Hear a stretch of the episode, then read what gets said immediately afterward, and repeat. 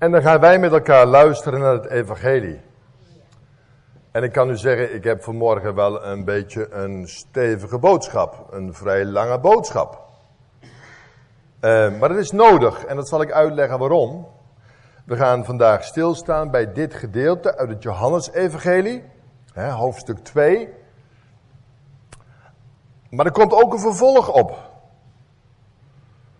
Dus vandaag hebben we ook een soort inleiding op dit stukje. Dat is nodig. Straks wordt wel duidelijk waarom. En ik ben een beetje verkouden. Ik hoop dat het heel goed gaat met mijn stem. Maar het zou kunnen dat ik ook af en toe moet hoesten. Ik heb een glaasje water gekregen van mijn dochter, dat is wel fijn. Laten we beginnen. En we bidden dat God ons zegent als wij dit woord horen. De kerntekst is Johannes 2, vers 11. En als je de Bijbel bij hebt, zoek het even op. En dan kunnen we straks ook een paar keer nog terugkijken naar dit gedeelte. Johannes 2, het evangelie van Johannes, hoofdstuk 2. En de kern is tekst vers 11. En daar staat, dit heeft Jezus gedaan als begin van de tekenen.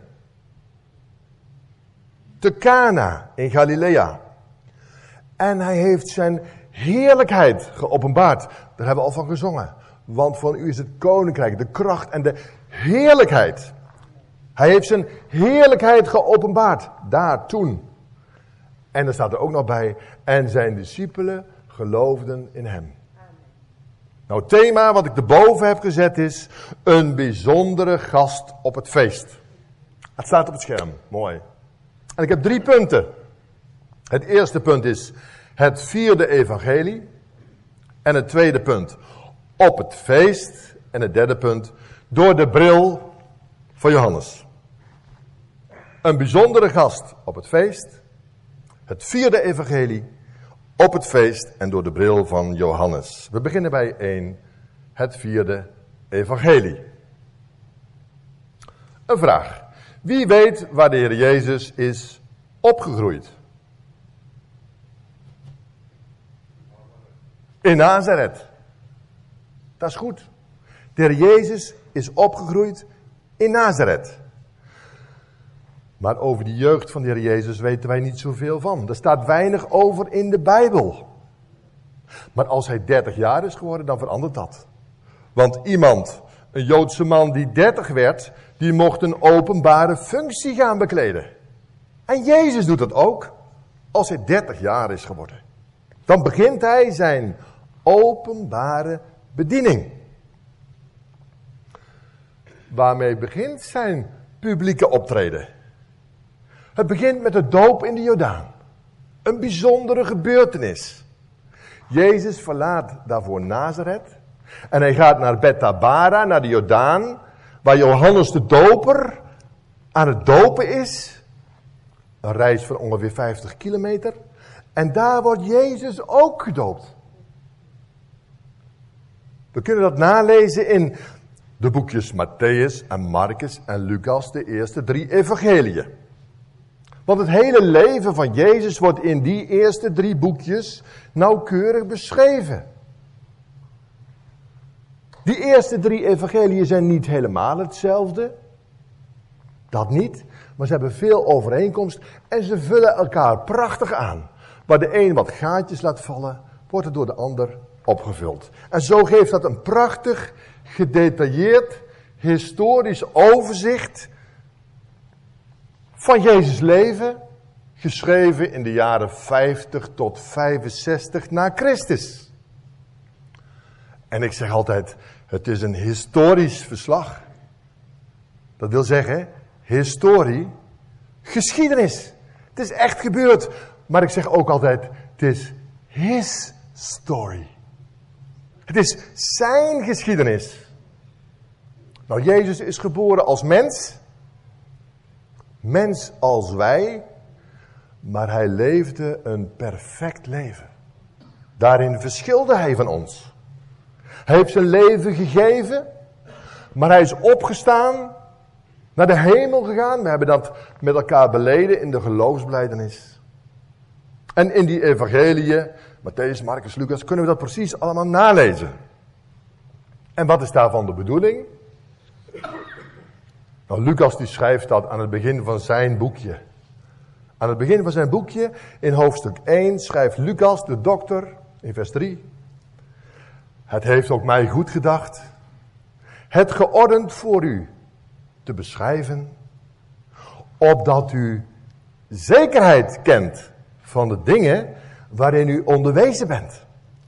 Dus, zodat wij zeker weten wat er is gebeurd. En hoe het allemaal is gegaan. Zodat wij weten dat er een verlosser is. Drie evangeliën over het leven van de Heer Jezus. Maar er is ook nog een vierde. Het evangelie van Johannes. En dat evangelie is heel anders. Heel anders.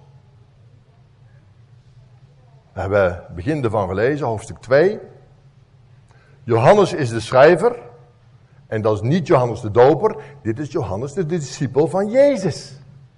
En we weten uit de geschiedenis dat hij heel oud geworden is. Wel 85 of 90 jaar oud. En toen zijn evangelie geschreven heeft. Dus, hij schreef zijn evangelie nadat de tempel in Jeruzalem al verwoest was. Hij schreef zijn evangelie toen die drie andere boekjes al volop in omloop waren en bekend waren geworden. Dus het was niet nodig dat Johannes nog een keer zo'n historisch verslag zou schrijven. En Johannes die schreef zijn evangelie toen er al dwalingen rondgingen door het land over het gezonde christelijke geloof. Dwalingen waarmee ontkend werd dat Jezus werkelijk de Zoon van God is. En daarom is dat evangelie van Johannes zo totaal anders dan die andere drie. Anders van opzet en anders van inhoud.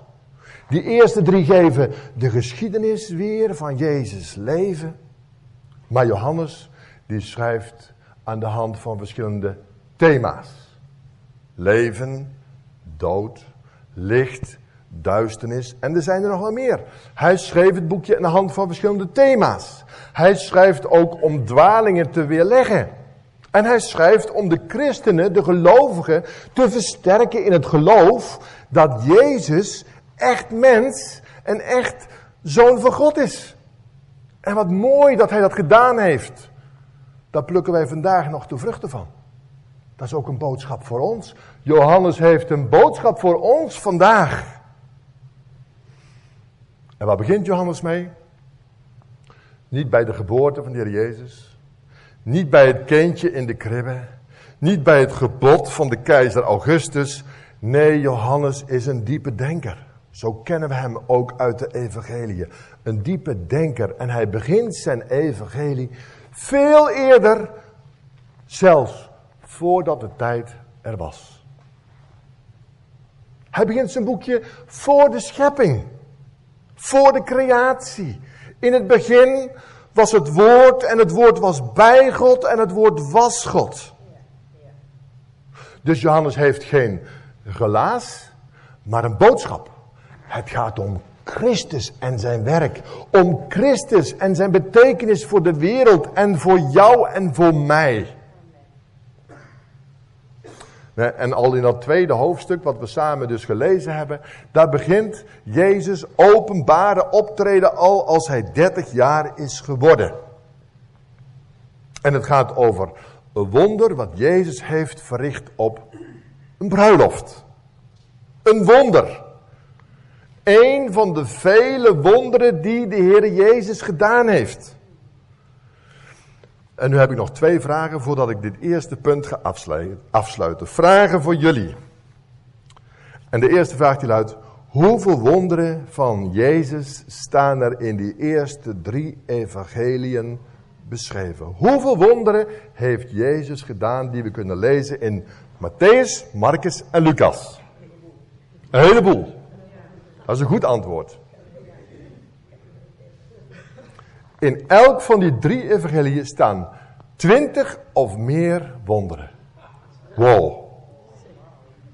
Nou, en dan de volgende vraag, die je al voelt aankomen. Hoeveel wonderen heeft Johannes in zijn evangelie beschreven? Wie weet dat?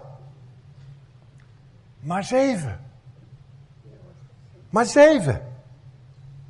Dat is weinig. Waarom eigenlijk? Daar komen we zo op. Dit ter inleiding. Vandaag gaan we kijken met elkaar naar dat eerste wonder wat Jezus gedaan heeft toen hij als mens op aarde leefde. En als ik nog vaker terug mag komen om hier te preken, kunnen we later ook nog naar andere wonderen kijken. Dat lijkt me eigenlijk wel mooi. Vandaar deze inleiding. Dit was het eerste punt. Het vierde evangelie. We gaan naar het tweede punt.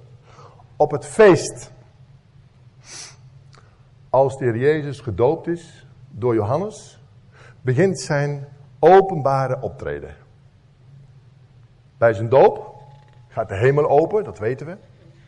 De duif daalt neer in de vorm, in de gedaante van, of de Heilige Geest daalt neer in de vorm, in de gedaante van een duif. En direct daarna wordt Jezus weggeleid naar de woestijn en verzocht door de boze, de duivel. Veertig dagen, veertig nachten lang. En dan keert hij weer terug naar Galilea, naar zijn woonplaats, Nazareth. Hij roept daar zijn eerste discipelen, Andreas en zijn broer Simon, Johannes en zijn broer Jacobus, Filippus en Nathanael. En dan stopt het eventjes. En we weten van Nathanael dat hij uit Cana kwam. De plaats waar het vandaag over gaat, hè, in Johannes 2, Cana. Daar kwam Nathanael vandaan. En dan vraag je je af zo, heeft Nathanael misschien nadat hij door de Heer Jezus geroepen is, de Heer Jezus uitgenodigd in zijn huis? Zou zomaar kunnen. Maar hoe het ook zij, Jezus gaat naar Cana. Wat gaat hij daar doen? Wat is Jezus werk in Cana? Hij gaat naar een bruiloft. Lazen we. Op de derde dag was er een bruiloft in Galilea, in Cana, Galilea. En de moeder van Jezus was daar. Op de derde dag. De derde dag na de ontmoeting met die discipel Nathanael. Er wordt een bruiloft gehouden in dat stadje Cana. En een bruiloft duurde in Israël vaak meerdere dagen, soms een hele week. Dat was ook afhankelijk van het budget van het bruidspaar. En de bruidspaar heeft gasten uitgenodigd. En wat lazen wij? Goed lezen. Ook de moeder van de Heer Jezus is erbij. En wij weten hoe ze heet. De moeder van de Heer Jezus. Maar dat noemt Johannes niet. Dat is opvallend. Johannes noemt Maria, de moeder van Jezus, nooit bij haar eigen naam. Is dat wel eens opgevallen? Nooit noemt hij haar Maria. Altijd de moeder van Jezus.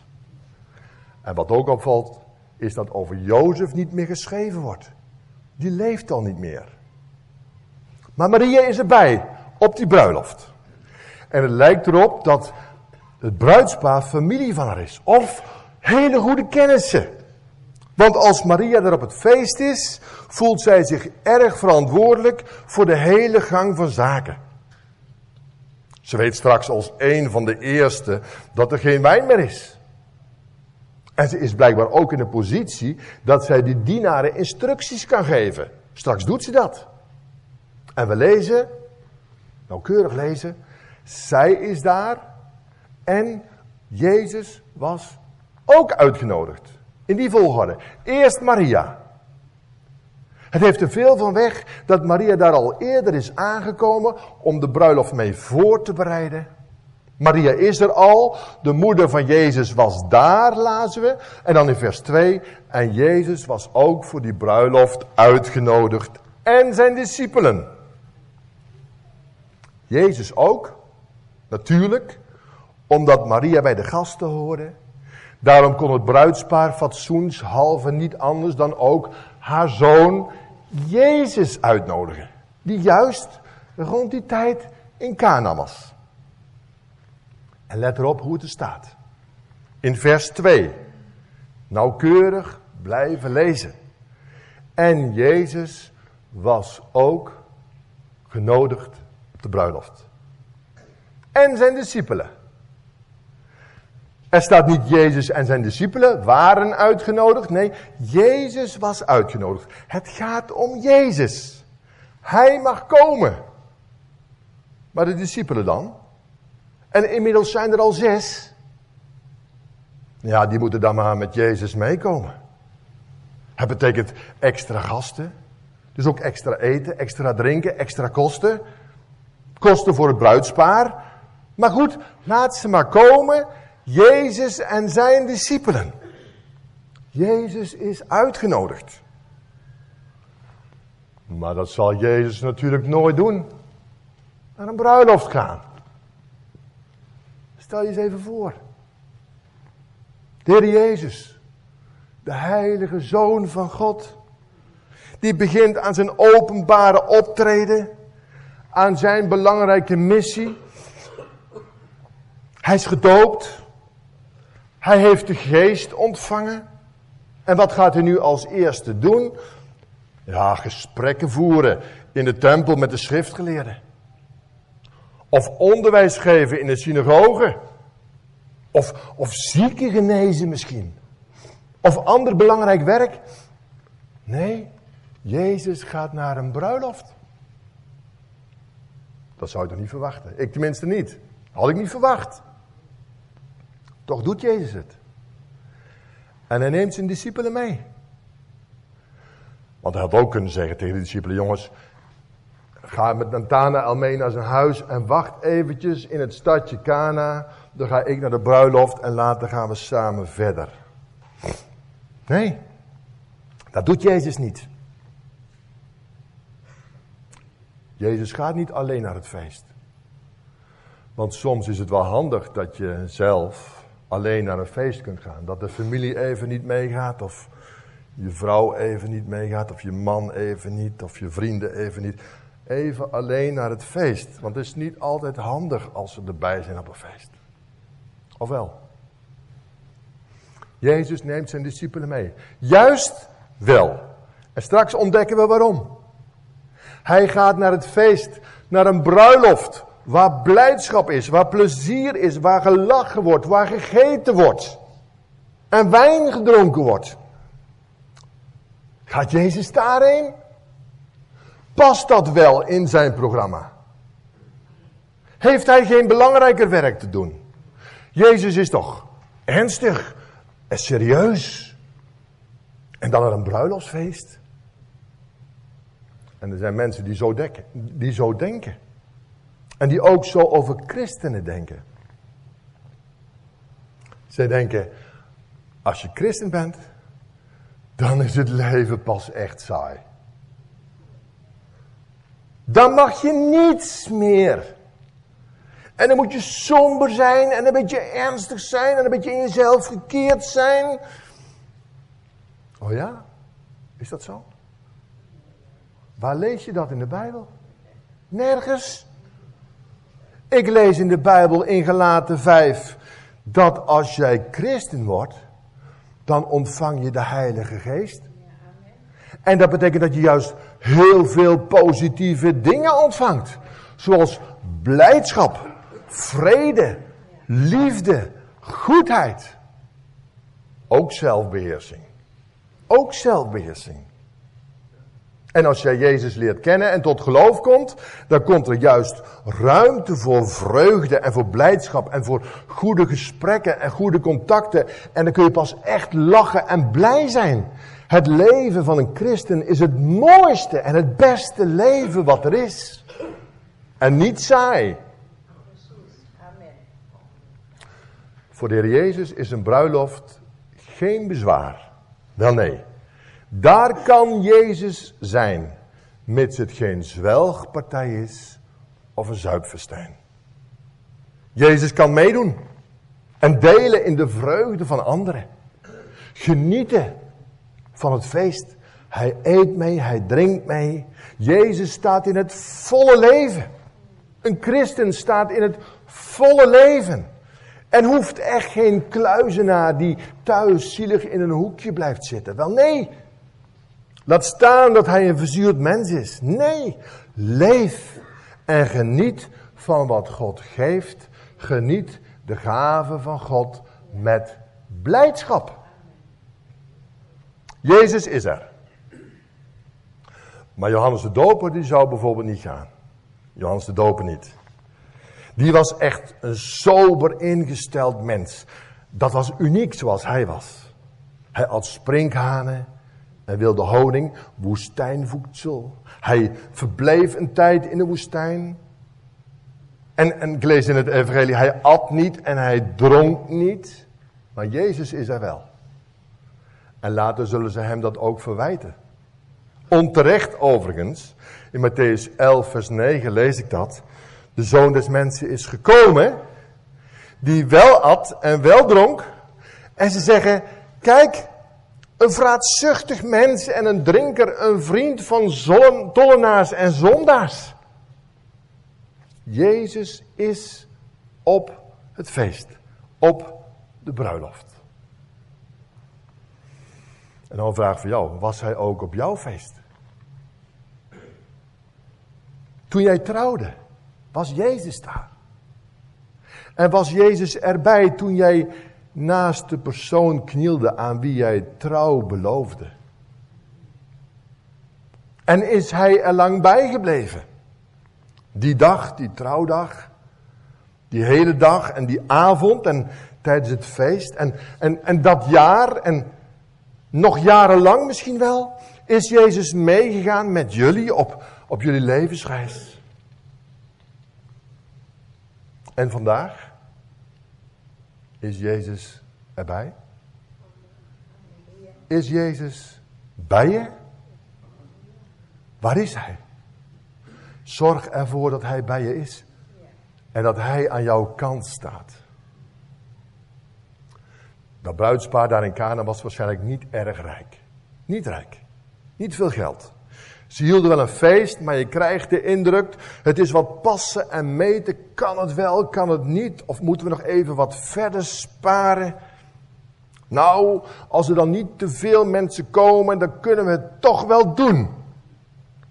En familie en vrienden en buren worden uitgenodigd.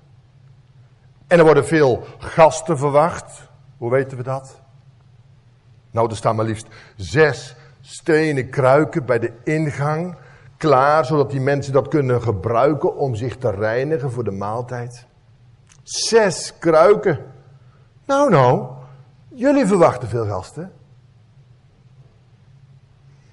En het feest begint en de mensen die komen en die stromen toe. En ze komen massaal op de bruiloft af. En wat fijn voor het bruidspaar. Want stel je voor dat er niemand gekomen was.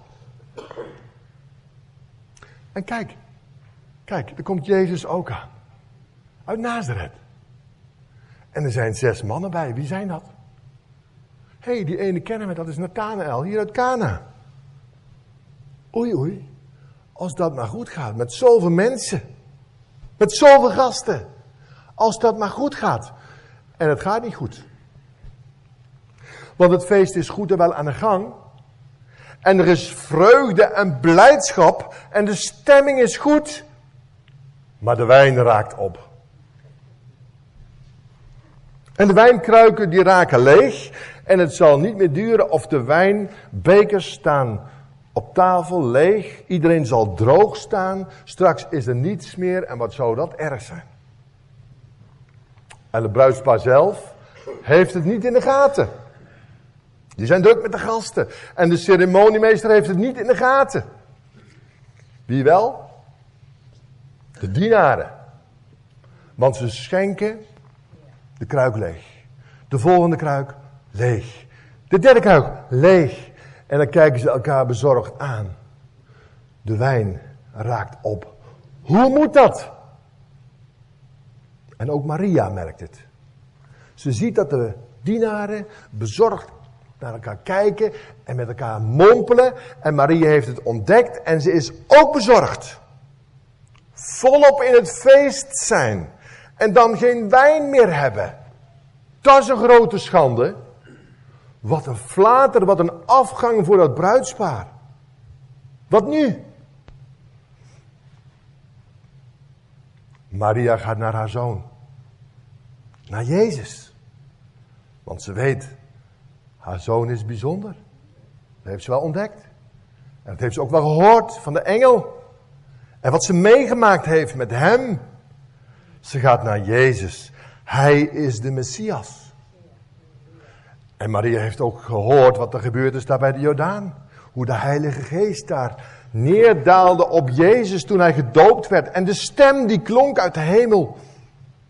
En Jezus begint nu blijkbaar zijn werk, want hij verzamelt zijn discipelen om zich heen. En wat zou dit een mooie gelegenheid zijn? Voor Jezus om zichzelf te presenteren als de Messias. En zo zou hij tegelijk ook dat bruidspaar uit de brand kunnen redden. Dus heel kort en gedempt, zonder dat anderen het kunnen horen, zegt ze tegen Jezus, fluistert in zijn oor, zij hebben geen wijn meer. Zij hebben geen wijn meer. Zij als moeder mag dat toch wel zeggen tegen haar zoon. Haar eigen zoon. Zij kan toch wel een beroep op hem doen. Voor dit bruidspaar. En eigenlijk is het heel mooi wat Maria doet. Ze heeft geloof. En ze vertrouwt erop dat Jezus het kan. Haar zoon. Haar Jezus. Ze hebben geen wijn meer. Maar wat doet Jezus? Hoe reageert Jezus? We lazen het in het vierde tekstvers. Jezus zei tegen haar: Vrouw, wat heb ik met u te doen? Mijn uur is nog niet gekomen. Nou zeg. Dat is ook geen aardig antwoord van Jezus. Vrouw, wat heb ik met u te doen? Hoe kan dat nu? Waarom reageert Jezus zo? Zoiets zeg je toch niet tegen je moeder? En zeker van hem zou je dat toch niet verwachten. Nou, in onze vertaling komt het ook wel een beetje lelijk over. Heeft het een negatieve klank? Vrouw, wat heb ik met u te maken? Dat klinkt niet erg aardig. Maar in het oorspronkelijke, in het Grieks, staat het er toch wat anders. In het Grieks staat er, ti emoi kai soi gunai. Lesje Grieks. Letterlijk betekent dat, wat hoort bij mij en wat hoort bij u, vrouw. Wat hoort bij mij en wat hoort bij u, vrouw. Dat zegt Jezus. Hoor je het verschil? Jezus maakt zijn moeder duidelijk dat hun belangen anders zijn, verschillend zijn. Maria wil graag dat het bruidspaar geholpen wordt. En de Heer Jezus. Ja, wat wil de Heer Jezus eigenlijk? Waarom is hij hier op het feest? Waar gaat het Jezus om? Wat hoort bij mij en wat hoort bij u, vrouw? Vrouw? Jezus zegt niet moeder, maar vrouw. Hij schept afstand tussen hem en zijn moeder. Omdat hij begonnen is aan zijn werk. Aan zijn taak waarvoor hij gekomen is. En die taak die zal hij zelf, hij alleen volbrengen. En daarbij kan zijn moeder hem niet helpen. Daarop kan zij als moeder geen invloed uitoefenen. Ja, ze heeft Jezus onder haar hart gedragen. Ze heeft hem voortgebracht en opgevoed. Maar nu Jezus aan zijn werk begint, daaraan kan zij en mag zij geen enkele bijdrage leveren. Jezus doet het alleen. Het is zijn werk. En nu begint hij aan het eigenlijke werk. Het koninkrijk van God is nu dichtbij gekomen. En alleen hij zal dit bruidspaar helpen. Dat gaat hij doen. Maar niet omdat zijn aardse moeder hem dat vraagt, maar zijn hemelse vader. Daar wil hij naar luisteren. Heeft Jezus het niet zelf gezegd? Ik kom, o God, om uw wil te doen. Heeft hij niet zelf gezegd, niet mijn wil, maar uw wil geschieden? Heeft hij niet gezegd, ik en de Vader zijn één? Dus de Heer Jezus wacht niet op een seintje van Maria, maar hij wacht op een seintje van boven. En daarom zegt hij, mijn uur is nog niet gekomen. En daar moet Maria het mee doen. En dit moet zij als moeder ook leren. Is ze teleurgesteld? Gekwetst? Door het antwoord van haar zoon? Verontwaardigd misschien? Nee.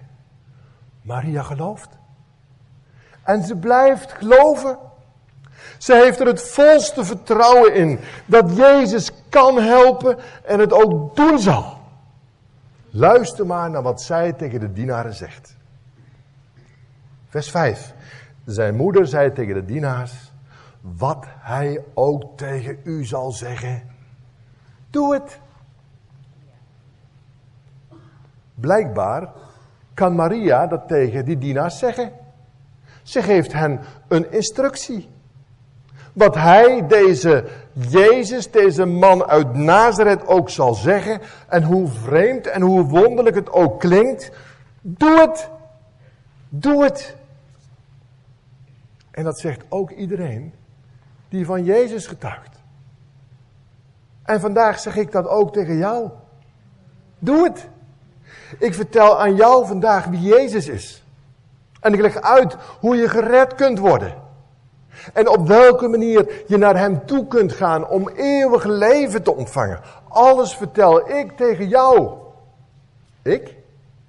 Nee, God schakelt mij daarbij in.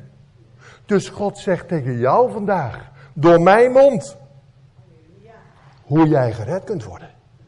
En dan dring ik er ook op aan bij jou. Doe het. Wat hij ook tegen u zegt. Doe het. Jacobus schrijft dat ook mooi, zo mooi in zijn brief. Jacobus 1, tekst vers 22. Hij schrijft, wees daders van het woord. En niet alleen hoorders, anders bedriegt u zichzelf. Doe het. Kom in beweging. Kom tot Jezus.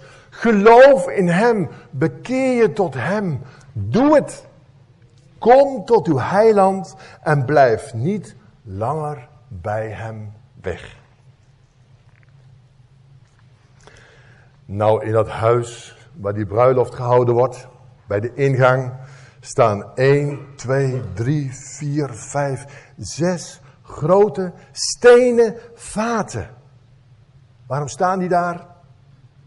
Nou, voordat de gasten binnenkomen en de feestmaaltijd gebruiken, moeten ze eerst zorgvuldig hun handen wassen. Dat lezen we ook in Marcus 7, vers 3. Daar lees ik, want de fariseeën en alle joden eten niet als ze niet eerst grondig de handen gewassen hebben, omdat zij zich houden aan de overlevering van de ouden. Dus iedereen die daar binnenkwam op het feest, gebruikte dat water uit die zes grote vaten om de handen te wassen en om aan de regels te voldoen. En nu iedereen aan de maaltijd is en eet en drinkt, staan die vaten daar nog steeds, maar ze zijn zo goed als leeg. En dan is het Jezus die iets tegen die dienaren gaat zeggen. Wat zegt hij?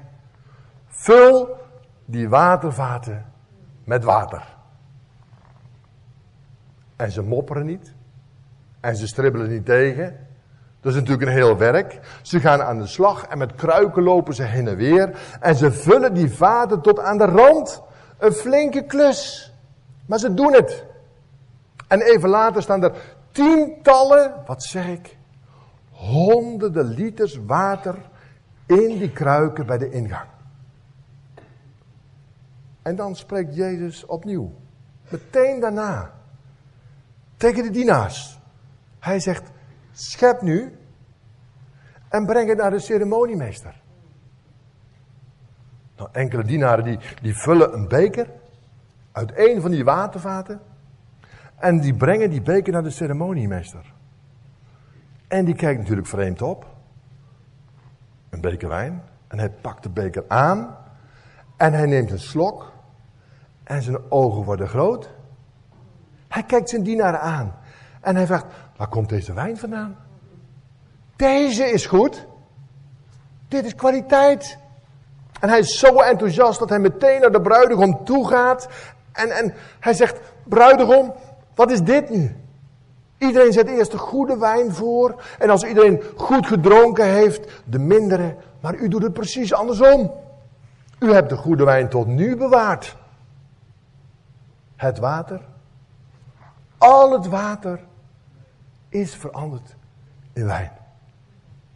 600 liter wijn van topkwaliteit. Onvoorstelbaar. Feest kan doorgaan. Geen nare tegenvaller. Geen storende onderbreking. Geen afgang voor het bruidspaar. Omdat er een wonder gebeurt. Omdat Jezus erbij is. Op het feest. Dat was ons tweede punt. We gaan naar het laatste punt. Door de bril van Johannes. Johannes, de schrijver van het vierde evangelie. Die oude discipel van Jezus. We weten het, 85 of, of misschien al wel 90 jaar oud. Hij was erbij. Hij was er toen bij, bij dat feest. Het is lang geleden, maar hij kan het zich nog goed herinneren. En de Heilige Geest helpt hem om zich dat goed te herinneren. Hij is zo oud, maar hij is nog groen en fris, zoals Psalm 92 dat zegt. En hij schrijft het allemaal geleid door de Heilige Geest op. En wat schrijft hij eronder? Onder deze geschiedenis van dit wonder. Tekst vers 11. Lees eens mee. Johannes 2 vers 11. Dit heeft Jezus gedaan als begin van de tekenen te Cana in Galilea. En hij heeft zijn heerlijkheid geopenbaard. En zijn discipelen geloofden in hem. Dit heeft Jezus gedaan als begin van de tekenen. Dit is het eerste wonder wat Jezus heeft gedaan. Op die bruiloft veranderde hij water in wijn. En daarmee liet hij zien dat hij werkelijk alle macht heeft. Hij is de zoon van God. En Johannes die, die plaatst dit wonder in de rij van die zeven wonderen die hij beschrijft in zijn evangelie. Waarom doe je dat, Johannes? Is dit nou zo bijzonder? Water veranderen in wijn. Mozes die veranderde lang geleden toch al water in bloed. Waarom dan? Nou, Johannes, die zou tegen ons kunnen zeggen, zoals kleine kinderen dat wel eens zeggen. Ik zie, ik zie wat jij niet ziet. Ik zie, ik zie wat jij niet ziet. Oh ja, Johannes, vertel eens. Nou zou hij kunnen antwoorden, als jij dat ook wil zien, dan moet je mijn bril opzetten. Uw bril opzetten, Johannes? Wat bedoelt u? Wat is dat? En dan zou Johannes antwoorden: Mijn bril vind je aan het begin van mijn boekje, hoofdstuk 1. Van mijn evangelie, daar staat het. Johannes 1, tekst vers 14. Wat lees ik daar? En het woord is vlees geworden en heeft onder ons gewoond. En wij hebben zijn heerlijkheid gezien. Een heerlijkheid als van de enige geborene van de Vader, vol van genade en waarheid. Het woord is vlees geworden. God is mens geworden. Dat is wat God verandert zich in een mens. In een schepsel zoals wij allemaal ooit uit zijn handen zijn voortgekomen. De mens Christus Jezus. En zegt Johannes, hij heeft onder ons gewoond. Gewoond? Dat staat er niet. Ja, wel in onze Bijbel, maar in het Grieks staat een heel ander woord. Daar staat getabernakeld. Wat is dat, een tabernakel? Een tent. Zoals het heiligdom van God een tent was. Een tent gemaakt volgens de instructies aan Mozes gegeven. En toen alles klaar was, was het een schitterend heiligdom. Voor wie? Voor God. En wat gebeurde er toen? Toen nam God zijn intrek in die tent, in het tabernakel. Dat lezen we in Exodus 40, vers 34 en 35. Daar lees ik, toen overdekte de wolk van Gods tegenwoordigheid. De tent van de ontmoeting. En de heerlijkheid van de Heer vervulde die tent, de tabernakel, zodat Mozes die tent niet in kon gaan. God zelf woonde in die tent. Een tent die dag in dag uit meetrok met het volk door de woestijn. Meetrok door de woestijn. Die werd afgebroken en opgebouwd. Wie woonde erin? God zelf.